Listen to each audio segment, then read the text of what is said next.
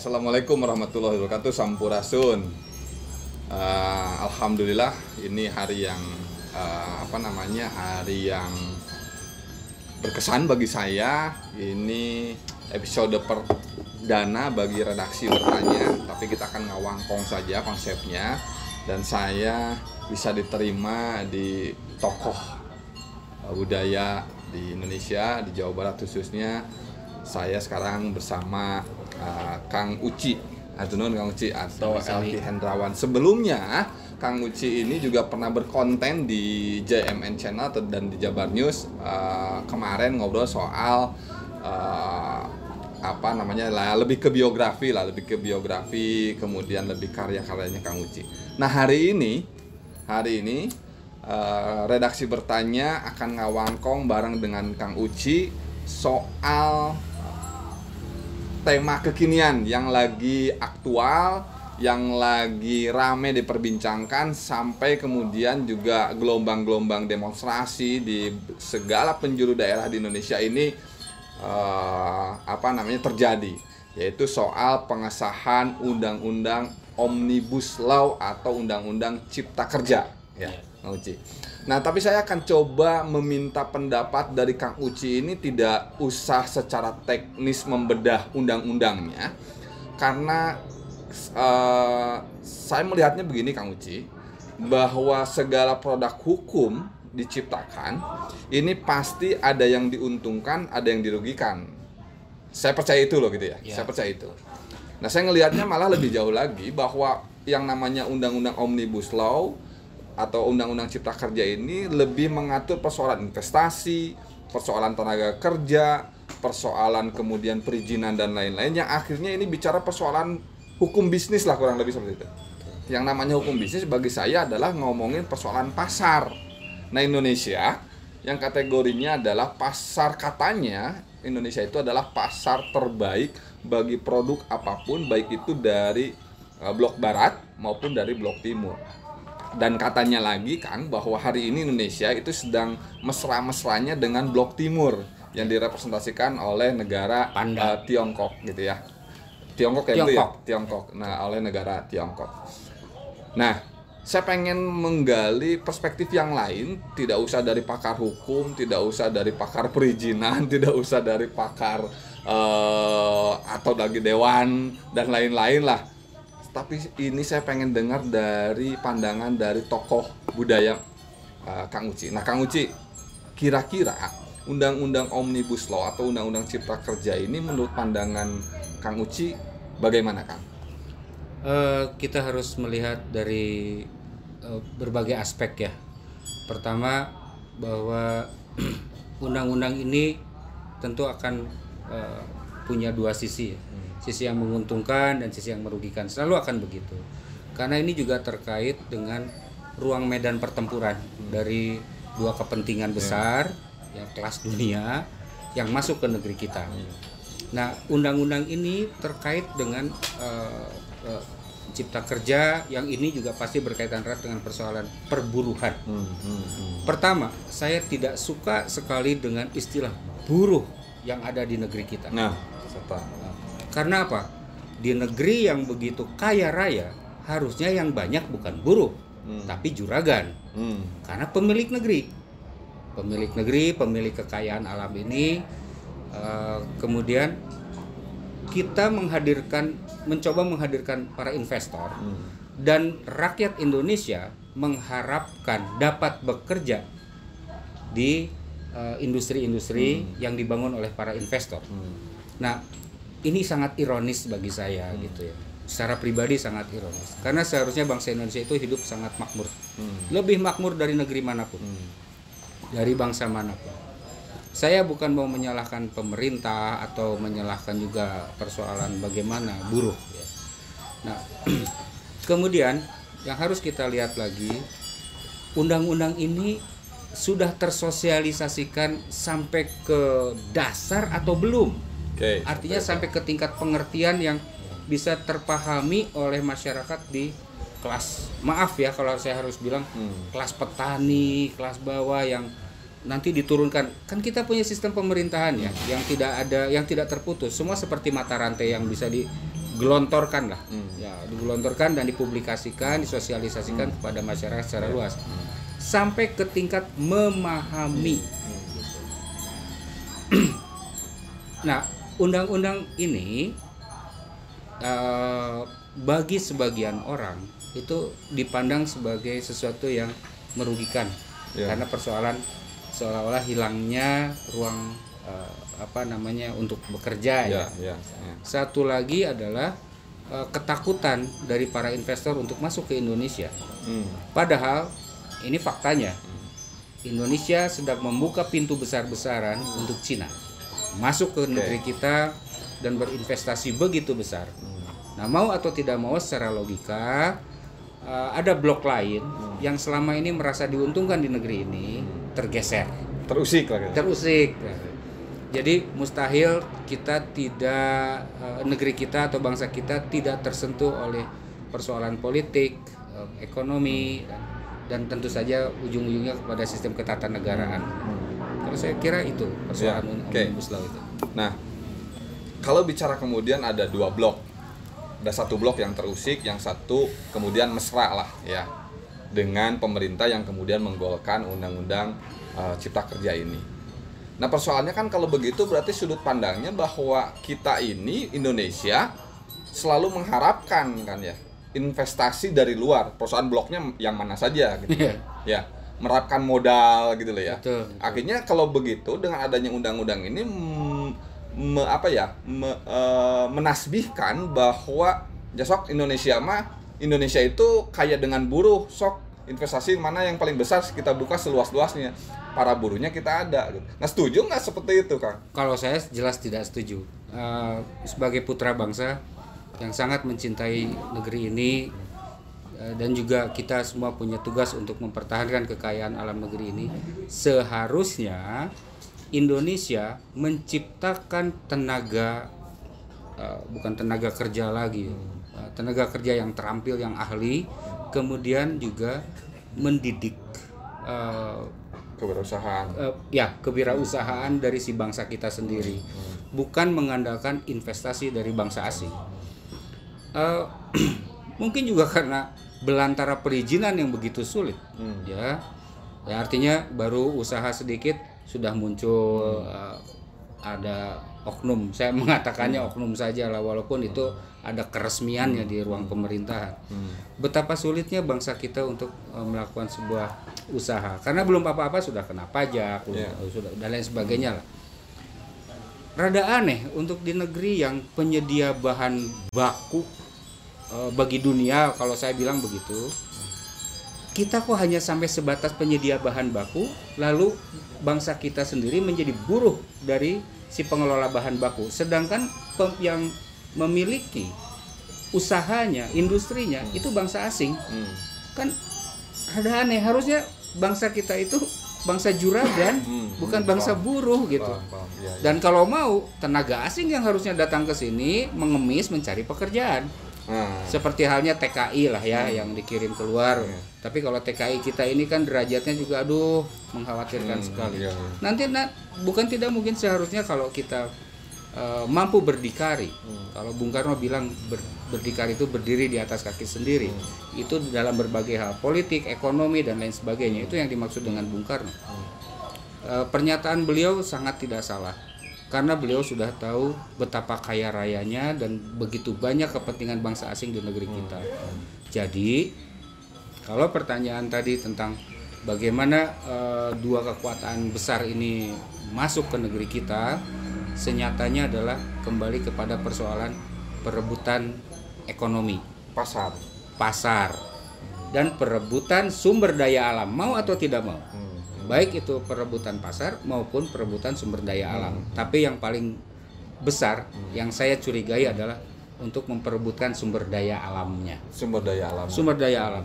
Artinya Indonesia takut Indonesia itu jadi pasar, menyiapkan lapak buat pasar para pedagangnya dari luar. Iya. Terserah mau blok timur mau blok barat ya. Betul. Padahal harusnya mungkin menurut Kang Uci itu dengan kita punya peradaban yang padahal itu sumber daya yang tinggi, peradaban yang tinggi dan lain. Kalau mau menciptakan pasar ya pedagangnya juga orang kita juga gitu loh ya. Iya, Ah, iya, gitu bet- ya? Betul. Oke. Jadi eh, kita ini cocoknya menjadi bangsa eksportir, Hmm, ketat. bukan menjadi bangsa import.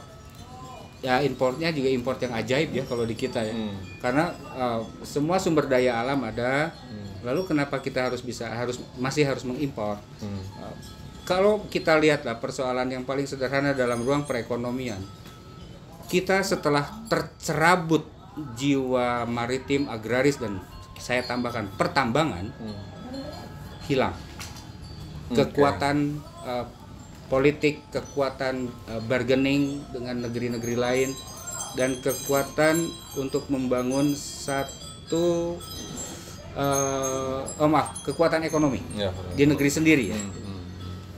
Bukti lain adalah begitu banyak eh, apa ya produk alam kelas 1 sumber daya alam kelas 1 itu dikirim keluar sedangkan bangsa kita mengkonsumsi Kelas 2 kelas 2, kelas 3 bahkan mungkin juga barang yang mau terbuang gitu ya. Kan sangat ironis Iya, seperti itu. Contoh lain ketika bangsa kita harus mengimpor singkong, mengimpor garam. Ini pertanyaan besar harusnya bagi semua eh, bangsa Indonesia. Dan saya selalu di mana pun saya selalu mengatakan, ayo buka mata Hmm. sejelas-jelasnya. Ya mungkin ini juga yang eh, yang eh, apa yang menjadi sebab karena bangsa Indonesia kurang jalan-jalan. Nah, Coba kalau jalan ke luar negeri lah, Hmm. jangan jauh-jauh. Coba jalan-jalan ke Thailand saja. hmm, hmm. Mereka bisa hidup dari hasil pertanian dan mereka betul-betul eh, bisa memanfaatkan ruang kelautan yang tidak besar. Hmm, hmm, Tapi mereka bisa memajukan, memakmurkan rakyatnya hmm, hmm. hanya dengan dua sumber. Nah itu, betul. Nah sedangkan gini, ini ada juga Kang Uci nih. Hari ini kan diskursus atau yang isu yang diperdebatkan hanya persoalan eh, ketimpangan untuk buruh, kemudian juga tadi ya persoalan siapa yang menjadi investor dan lain-lain. Saya sendiri agak ba- baca, saya baca itu ba- ada soal malah yang di pasal kalau nggak salah pasal 6, 6 atau pasal 6, pasal 6 ya. Di situ bahwa soal pangan nih, Ya. yang tadi Ya. eh, meneruskan dari Kang Uci. Jadi di soal itu tuh bahwa sumber da- sumber pangan Indonesia itu bisa diperoleh dari tiga, Eh, ya dari dari dari lokal, kemudian yang ketiganya pokoknya dari impor. Jadi artinya dibuka dari impor nih gitu kan. Nah, padahal di sebelumnya itu undang-undang yang sebelumnya bahwa impor pangan bisa dilaksanakan apabila nah catatan-catatan itu dihilangkan Kang Uci. Nah, saya malah ngelihatnya soal pangan ini menjadi tidak diperdebatkan pada ini yang bahaya gitu loh. Menurut Kang Uci gimana itu? Iya, jelas. Karena sumber segala daya itu ada di urusan perut, Perut pangan itu ya. pangan. Nah, bangsa kita ini tanpa mereka sadari, tanpa bangsa kita sadari bahwa bagian perut bangsa kita itu sudah tercekik. Hmm. Jadi dikendalikan dari bagian perutnya. Hmm. Eh, apa namanya? eh ya, negeri yang subur itu negeri yang bisa menjamin rakyatnya tidak kelaparan lah. Hmm. Nah, Kalau eh, kita lihat nyatanya saja dari sumber mata air, dari tanah yang begitu subur, dari kualitas tanah di negeri kita yang bisa menghasilkan berbagai tumbuhan, apa yang kurang? Hmm. Beras itu udah jelas kita ini bisa membuat sebuah ladang beras yang sangat besar, apalagi kalau kita lihat daerah Sumatera Hmm. di negeri eh, di wilayah yang eh, kurang bilanglah kurang mata airnya saja kita masih bisa menemukan sawah Hmm. itu untuk persoalan pangan tentu bukan hanya sawah maksudnya ya menghasilkan eh, padi dan bera- beras gitu. Tapi juga yang lainnya Hmm. Nah, kenapa kita tidak mampu ya sampai eh, mencapai bukan hanya soal penyedia pangan penyedia bahan baku tapi juga mampu memakmurkan rakyat menjamin bagian perut rakyat saja. Itulah yang nomor satunya dulu lah. Jamin eh, perut perut- per- bagian perutnya gitu orang untuk rakyat itu. Setelah itu baru naikkan naikkan kesehatan dan lain sebagainya pun persoalan pembangunan coba kita lihat berapa banyak pabrik semen di negeri kita. Berapa banyak perusahaan-perusahaan eh, apa namanya sipil ya dan bangunan dan lain teknik sipil dan lain sebagainya. Kemudian juga eh, nelayan ya. Ah terlalu banyak. Hmm. itu kenapa tidak dioptimalkan? Seperti ada satu skenario besar agar bangsa Indonesia ini, ah, wilayah Indonesia ini hanya sebagai wilayah eh, penyedia bahan pangan yang siap dieksploitasi oleh bangsa lain, si investor yang tadi. Di si investor tadi dan tenaga kerjanya bangsa kita. bangsa kita. Nah, ini kan berarti butuh sebuah ruang pekerjaan, ruang kerja yang eh, begitu besar agar eh, bangsa kita bisa masuk Hmm. untuk bekerja. Saya kira kalau kita kembali kepada eh, kecerdasan dalam melihat kekayaan alam kita, saya kira tidak perlu lagi itu. Hmm. Ada buruh, ada eh, apa namanya sesuatu yang ya maaf ya kata buruh itu begitu nggak enak ya didengar ya seolah-olah dia budak gitu yang bisa dikendalikan karena eh, bayaran. Hmm. Hmm. Persoalan yang lain adalah saat para buruh ini eh, berada dalam ambang batas garis kemiskinan, artinya bisa dipastikan itu adalah bagian perut. Hmm. Hmm. Sedangkan kita adalah negeri agraris, Hmm.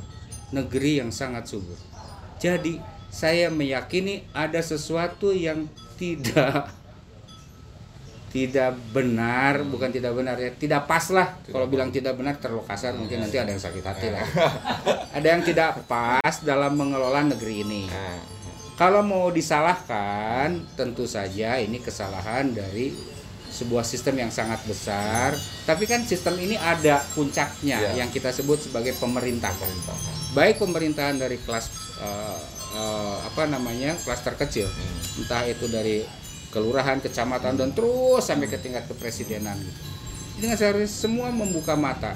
Hmm. Satu membuka mata tentang jumlah manusia di Indonesia itu sudah cukup banyak loh. Ya.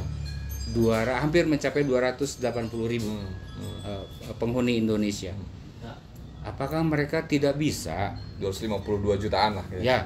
Apakah mereka tidak bisa dijadikan tenaga kerja yang betul berkiblat kepada negeri kita dan untuk menguntungkan negeri kita? Hmm. Hmm. Dan itu akan kembali kepada mereka keuntungan itu tentunya. Kemudian yang kedua, apakah benar tidak bisa gitu eh, para orang-orang pintar yang entah duduk di mana entah di perguruan tinggi ya di ruang pendidikan maupun di dalam ruang pemerintahan melihat kembali betapa kaya rayanya alam kita yang sebetulnya mampu dikelola Hmm. Swa karya, Hmm. swa sembada Swasembada. dan lain sebagainya. Itu seharusnya bisa kok oleh bangsa kita. Hmm. Kalau tadi kita membahas bagaimana hal ini pada akhirnya memicu sebuah gerakan besar eh, yang kita sebut Iya. sebagai demonstrasi. Demonstrasi ini harus pertama harus diwaspadai tentunya ya. Karena tidak ada satupun keputusan apa pun pasti akan punya dua sisi. Ya. Yang merasa diuntungkan dan merasa dirugikan gitu. ini harusnya muncul lagi satu kebijakan Hmm. menurut saya ya. Apa itu? Jaminan. Jaminan. jaminan. Kalau jaminannya sudah dikeluarkan Hmm. bahwa jika ini misalnya ketika eh, undang-undang ini diberlakukan maka pemerintah akan memberikan jaminan apa gitu. Hmm. Bagi yang tidak akan- dirugikan tadi. Ya, bahwa tidak akan pernah ada pengangguran. Hmm. Bahkan ketika perusahaan asing itu masuk, Hmm. gaji kalian akan naik. Hmm. Nah, misalnya yang asalnya satu juta menjadi 30 juta gitu kan. Hmm. Ada demo Hmm. moal dijamin. Hmm. Karena yang kita selama ini yang eh, para pendemo ini melihat jika eh, ruang kerja mereka Hmm. terambil alih Hmm. sehingga ini akan memicu banyak pengangguran. Hmm. Ayo kita lebih objektif. Hmm. Pada saat Indonesia negeri kita ini membuka pintu begitu besar, Hmm. ada hubungan yang begitu mesra dengan Cina. Artinya tenaga kerja Cina pun akan duduk dengan nyaman di sini. Hmm. Dan berkompet berkompeti apa berkompeti apa berkompetisi Kompetisi. Nah, ayo bercermin lagi untuk bangsa kita. dengan Hmm. Hmm. Ketika tenaga kerja dari Cina datang dengan disiplin yang begitu tinggi, Hmm. mampukah bangsa kita bersaing dengan mereka? Oke. Jangan-jangan tenaga kerja kita satu tenaga kerja Cina sebanding dengan dua atau tiga tenaga kerja Indonesia. Hmm. Dan ada yang rada unik memang eh, bangsa kita tidak mau mengambil revolusi saya menyebutnya. Hmm. Revolusi dalam ruang tenaga kerja, dalam ruang pekerjaan, dalam ruang cipta kerja. Hmm. Revolusi saya menyebutnya. Hmm. Artinya apa yang disampaikan oleh presiden eh, tentang revolusi mental, Mental. ini harus dipandang seluas-luasnya. Hmm. Hmm. Bukan bukan menjadi sebuah revolusi mental yang sempit ya hanya dalam ruang kebudayaan, enggak. Hmm. Harus sangat luas. Hmm. Bahwa kita siap menghadapi tenaga kerja dari mana pun. Hmm. Karena kita punya satu disiplin yang luar biasa. Satu contoh yang paling sederhana kelakuan bangsa kita adalah saat akan bekerja Hmm. eh, nanti ada istilah dalam bahasa Sunda cikah kela sabatang deui lah. Hmm. Nah, ini tidak ada kamusnya di, di mereka. Hmm. Kemudian eh, be- eh, kerja mulai dari jam 8. Hmm. Benar-benar memang jam 8 mereka berdiri Soal dan disiplin bekerja. ya? Ini disiplin yang begitu tinggi. Kita tidak bisa menutup mata tentang kehebatan Hmm. disiplinnya eh, orang-orang dari Tiongkok sana ya. Hmm. Itu sudah teruji sekali mereka. Untuk kerja keras Hmm. itu kalau Tiongkok tidak kerja keras mustahil Hmm. dia mampu menguasai dunia dan mampu menggoncang Amerika Hmm. Hmm. Betul, gitu. betul. Itu logika paling sederhana. Nah, pertempurannya saya kira lebih kepada pertempuran eh, apa ya? eh, pertempuran antara kecerdasan, kebodohan dan kebijaksanaan. Hmm. Hmm. Yang bertempur tuh di situ. Karena saya meyakini negeri kita tidak pernah kalah oleh serangan fisik. Hmm. Hmm. Negeri kita selalu kalah oleh kebodohan bangsa kita sendiri. Hmm. Melalui ekonomi. Harus Hmm. harus bodoh, Hmm. harus konflik. Kalau tidak begitu, bagaimana mereka akan menguasai kita? Hmm. Karena konsep zaman sekarang pun dari zaman dulu, Hmm. siapa pun negeri yang mampu menguasai perekonomian, Hmm. Dialah akan menjadi penguasa dunia. Hmm, oke oke. Nah tadi substansinya nih, jadi substansinya disahkannya undang-undang eh, Cipta Kerja ini, menurut Kang Uci kemudian solusinya salah satunya tadi ya bahwa oke kita terima dengan catatan pemerintah mengeluarkan kebijakan soal jaminan, nih jaminan bagi eh, tenaga kerja Indonesia yang kemudian hari ini yang merasa keberatan lah gitu ya. Tuh. Yang keduanya juga kemudian jaminan mungkin ya Kang ya bagi pengusaha-pengusaha lokal dari Indonesia jangan sampai mereka kemudian kalah porsi lah ya, Ya, oleh ya. investor-investor dari luar itu secara substansi begitu mungkin ya Betul, catatan betul dari Kang. Uci. Nah, di luar substansi ini eh, isu undang-undang Cipta Kerja ini sudah mulai bergeser nih Kang. Sudah mulai bergeser di bawah ke arah politik. Jadi isu ini kelihatannya sudah menjadi kendaraan Kang. Kendaraan. Ini sudah isunya udah ke mana-mana nih Kang. Betul. bahkan ada yang kelompok inilah mau demo minta diturunkan. Ya, kelompok inilah yang demo minta dipertahankan dana apalah gitu ya. Ya. artinya sudah mulai ke isu politik nih. Udah mulai ke isu politik bahwa undang-undang cipta kerja ini hanya sebagai kendaraan akhirnya Kang.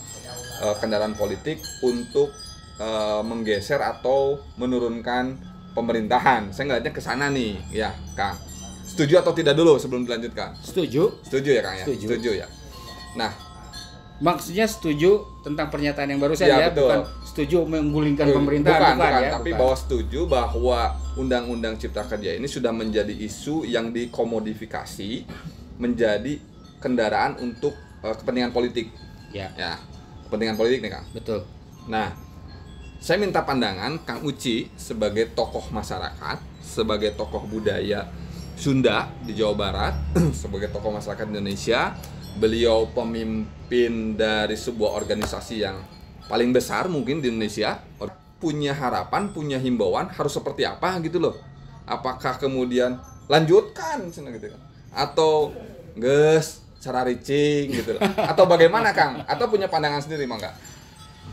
Eh begini, siapa pun yang duduk di atas kursi kepemimpinan negeri kita, artinya siapa pun yang duduk menjadi presiden RI, semua juga sama akan mengalami kasus yang sama. Selama kepentingan asing masih begitu kuat ada di negeri kita. Oke, betul. Jadi mau bahkan misalnya saya aja duduk di situ, emang enak? Enggak. Hmm. Siapa pun lah, mau siapa pun yang akan duduk di sana akan punya kasus yang sama, Hmm. akan punya beban yang sama. Yang dihadapi oleh pemimpin negeri kita bukan hanya dari luar persoalannya itu, Hmm, hmm, hmm, tapi dari dalam, dari rakyatnya sendiri. hmm, Nah, ini diakibatkan oleh tingkat kecerdasan yang waduh begitu ekstrim. hmm, hmm. Jadi ada yang maaf ya, ada yang tinggi, ada yang rendah. Kemudian, contoh kemarin saja, eh, setelah ditelaah dari beberapa daerah, saya juga eh, lihat yang tertangkap itu ternyata anak-anak SMP, SMA Hmm, gitu ya, STM. STM. Eh, loh kok begitu ditanya, apalagi waktu ini Ganjar ya, Hmm, yang di Jawa, Iya, Jawa Tengah. Jawa Tengah. Eh, Ketika Pak Ganjar bilang, "Eh, kamu dari siapa? Kamu sudah baca? Belum. Kamu tahu? Tidak. Hmm, hmm. Nah, ini luar biasa sekali. Nah, tunggangan politik poli- eh, yang dipakai oleh eh, mereka Hmm. itu ujung-ujungnya akibat ketidakpuasan saja. Dan saya kira pemainnya yang itu-itu juga kok. Betul, betul. Enggak, bukan pemain yang la- bukan Iya. pemain baru. Artinya pada saat Kang Uci mengiyahkan bahwa ini mulai digeser ke persoalan politik, gitu ya, ke isu politik untuk menjatuhkan salah satu kelompok atau rezim dalam hal ini. Nah, Kang Uci sendiri eh, setuju nggak dengan dengan dengan gerakan politik itu gitu loh, lewat lewat undang-undang Cipta Kerja ini? Kalau eh, saya bukan, saya ingin mencoba duduk dalam posisi eh, Tengah-tengah. bebas sportif. Oke, boleh gimana? Eh, Bebas sportif itu artinya saya bukan mau membela ini itu, Iya, iya. bukan Ah. juga mau Ah. menyalahkan ini itu, bukan. Jokowi mengajak ini saya bilang Jokowi saja ya, Ya, apa-apa kan. Nggak usah pakai Pak ya, supaya akrab lah. Iya. Nanti biar kenalan langsung sama Boleh. saya. Nanti di mention sama saya nanti di IG-nya. nanti di tag sama saya. nah, beliau itu sudah sedang mengajak, menantang. Kalau saya melihat menantang, Hmm. saya sebagai pemimpin negara, saya mengajak rakyat saya untuk menantang. Mampu tidak kita melewati ini? Oke, paham. Kalau ini lewat, Hmm. ini berhasil, Hmm. kita akan menembus satu kehidupan Fase. peradaban baru, fase baru, cara hidup di negeri kita. Oke. Jadi ada sebuah perubahan mental yang diakibatkan karena tidak gor. Hmm.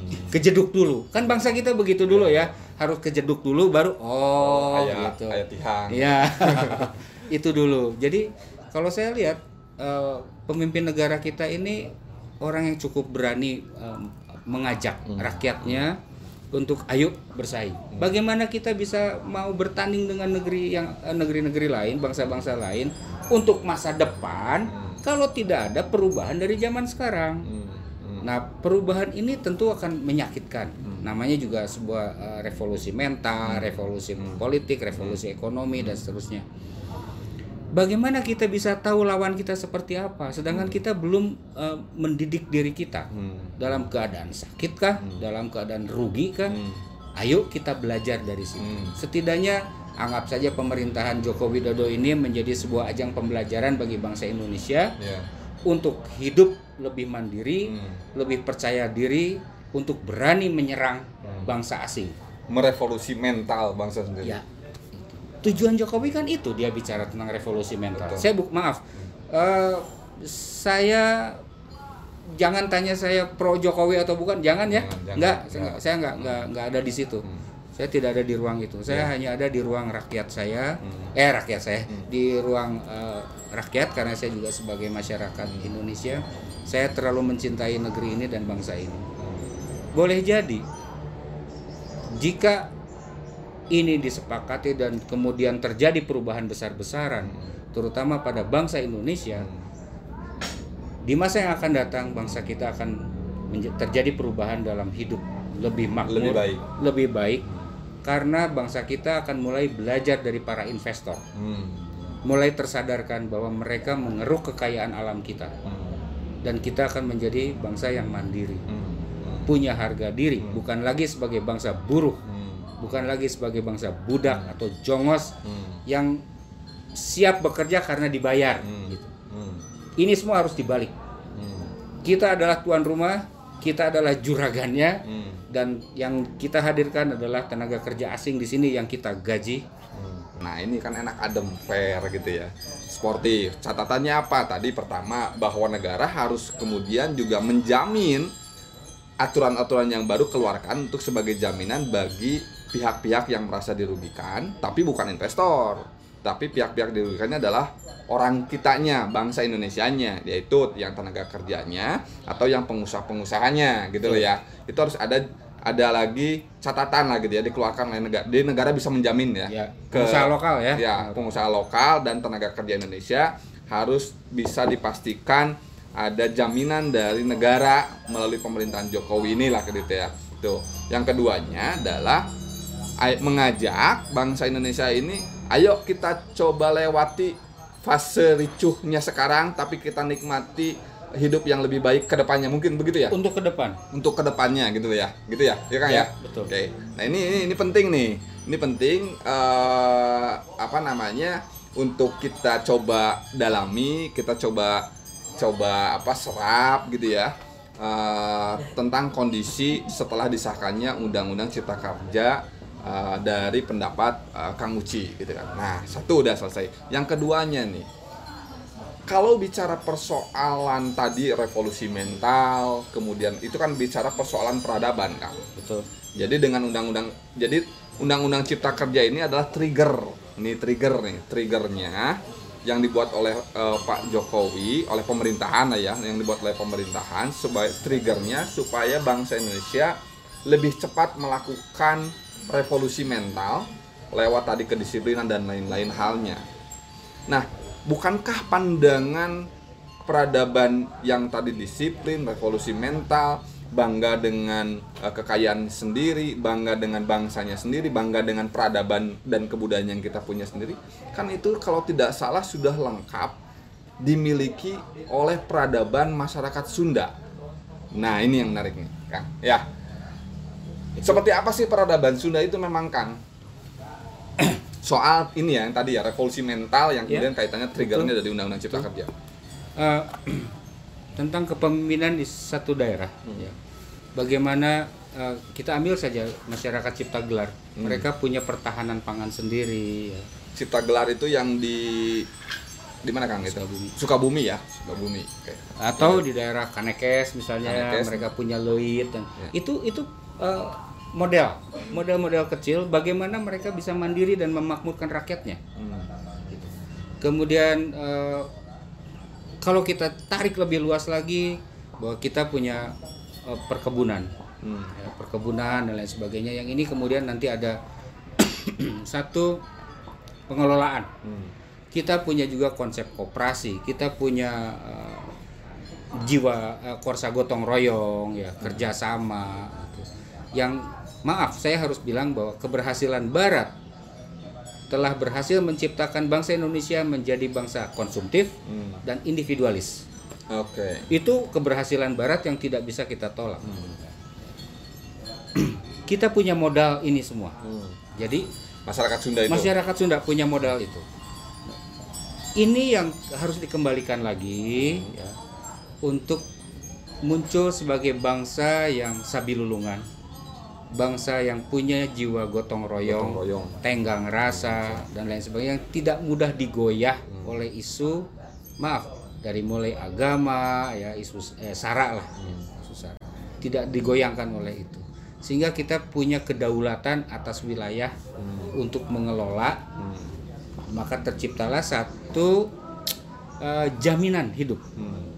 jaminan hidup dalam ruang perekonomian terutama itu jadi di dalam masyarakat Sunda kenapa kita harus jaga gunung?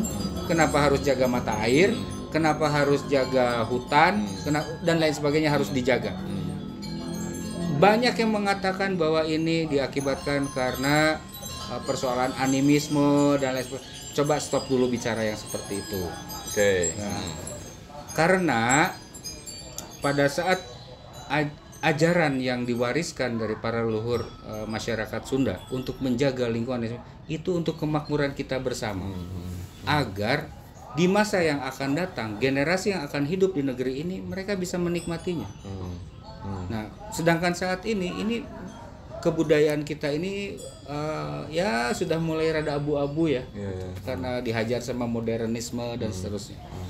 Artinya artinya bahwa eh, Kang Uci menegaskan bahwa tata laku tata budaya yang dimiliki oleh masyarakat Sunda itu seharus yang sudah dimiliki oleh masyarakat Sunda seharusnya tidak usah lagi khawatir dengan perdebatan-perdebatan persoalan tadi itu ya persoalan-persoalan eh, apa namanya ya terutama triggernya melalui undang-undang cipta kerja ini gitu ya Iya. persoalan-persoalan siapa yang menjadi buruh siapa yang menjadi tenaga kerja siapa yang menjadi pengusaha gitu loh ya Betul. siapa yang siapa yang kemudian ekspor pangan siapa yang impor pangan siapa yang kemudian eh, mengeksploitasi eh, sumber daya jika gitu maksudnya ya Betul. jika tata laku dan tata budaya yang ada dalam peradaban masyarakat Sunda yang selama ini masih dijaga atau masih dijalankan itu terus dijalankan gitu maksudnya Jalankan, betul. Oke. Mata air jangan dijual lah. Mata air jangan dijual Setidaknya itu aja yang paling sederhana. Mata air jangan dijual atau sumber-sumber air yang begitu banyak di negeri kita, terutama di kawasan Jawa Barat, jangan sampai dikuasai oleh satu.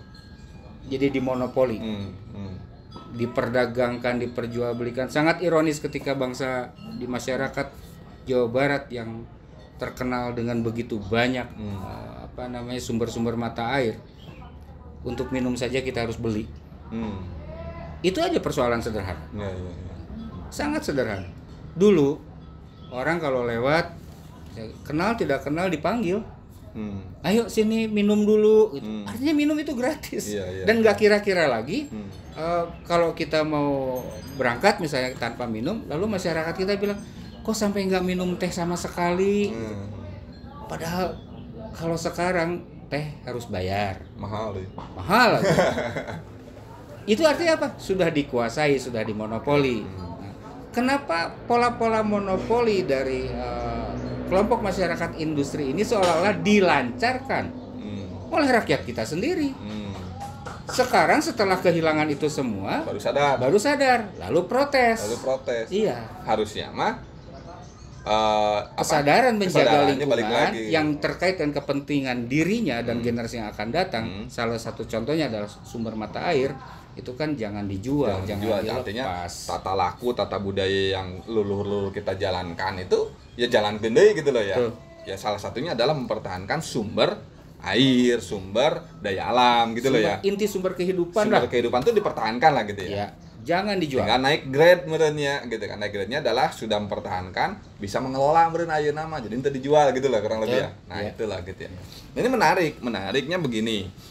Saya kenapa sengaja pengen bicara persoalan eh, apa namanya? polemik undang-undang cipta kerja, kemudian kaitannya dengan ketahanan masyarakat. Eh, ketahanan masyarakat itu melalui tata laku, tata budaya di masyarakat Sunda khususnya. Karena Kang Uci ini tidak lama lagi juga akan bicara soal eh, peradaban Sunda dengan eh, apa namanya dengan eh, tokoh dari Tibet ya ya. Eh, tokoh dari Tibet itu eh, Dalai Lama kalau nggak salah. Tangan kanannya tapi. Tangan kanannya. Artinya artinya eh, kalau kita mau bicara merenalnya tenaga ahli namanya atau gitu atau eh, orangnya Dalai Lama akan berdiskusi dengan Kang Uci. Eh, mereka ingin eh, menguak ingin meng, eh, mengeksplorasi mengeksplor bukan mengeksploitasi tapi nya mengeksplor tentang kebudayaan Sunda melalui Kang Uci. Nah kira-kira nanti mau bicara apa Kang? yang ingin saya sampaikan adalah satu statement atau satu penegasan pernyataan dari pihak sana bahwa apa yang mereka pakai atau apa yang mereka eh, gunakan di Tibet eh, khususnya dalam ruang bilanglah entah itu keagamaan atau ruang budaya, ruang adat istiadat itu berasal dari kita, Oh, keren berasal dari Sunda. Hmm. Karena Lama Atisha, Lama Atisha itu hampir 11 tahun belajar di Indonesia. Hmm. Belajar Oh, nanti yang diskusi dengan Lama Atisa namanya. bukan Apa? Lama Atisha ini Apa? pendirinya oh, udah lewat. Oh iya iya. Ya. Ah, maaf, maaf. Terus Eh, nanti eh, beliaulah yang kemudian mendirikan apa yang kita kenal sebagai wilayah Asya di daerah Tibet sana, Hmm. Tibet sana. yang kemudian secara turun temurun dipimpin oleh seorang dalai, Dalai. Ya, seorang eh seorang dia dalai lama. Oke. Menariknya begini, tadi ah, nggak apa lah saya sampaikan ya. Jadi satu sisi kemudian hari ini Indonesia mengeluarkan undang-undang cipta kerja yang kemudian dinilainya bahwa eh, yang diuntungkan adalah eh, blok timur dalam hal ini Tiongkok yang dirugikannya adalah blok barat sedangkan begitu nah sedangkan blok timur sendiri ini hari ini Tiongkok ini yang maaf eh, kurang kurang kurang kurang mesra dengan Tibet. kelompok Tibet nah Tibetnya sendiri hari ini pengen belajar tentang peradaban Sunda ke Kang Uci gitu loh ini yang menariknya kan gitu loh ya Eh, nanti kita akan ulas lagi lah eh, tentang pembicaranya. Tapi eh, saya ingin menyampaikannya bahwa atau mempertegasnya Kang Uci bahwa inilah bukti bahwa kenapa kita harus tetap optimis dan bangga dengan kebudayaan kita. Sebesar apa pun kemudian masalah yang dihadapi melalui triggernya sekarang adalah Undang-Undang Cipta Kerja yang kemudian ada riak gelombang demonstrasi yang tidak setuju sana sini sana sini. Tapi ternyata bahwa Indonesia masih dipandang tidak dipandang sebelah mata tapi masih dipandang sebagai kebudayaan yang tinggi sebagai uh, peradaban masyarakat yang tinggi. Salah satunya adalah Tibet sendiri yang hari ini kemudian kurang sinergis, kurang sinambung, kurang mesra dengan Cina dan Cina yang diandungkan Indonesia itu ternyata belajarlah kemudian juga ke Indonesia ke Kang Uci terutama adalah mengenai soal peradaban eh, ke- apa peradaban masyarakat dan nilai-nilai dan nilai-nilai kemanusiaan di masyarakat Sunda kurang lebih Iya, gitu ya. betul. Itu ya Kang ya. Ya. Oke. Itu saja sementara saya bersama Kang Uci Elki Hendrawan tokoh masyarakat Jawa Barat, budayawan Sunda dan juga pupuhu atau apa ya Kang? Pendiri lah ya. Pendiri dari salah satu klub otomotif terbesar di Indonesia Bikers Brotherhood 1% NC. Atau nun Kang. Sami-sami. Terima kasih. Assalamualaikum warahmatullahi wabarakatuh. Sampurasun. Rampes Rahayu.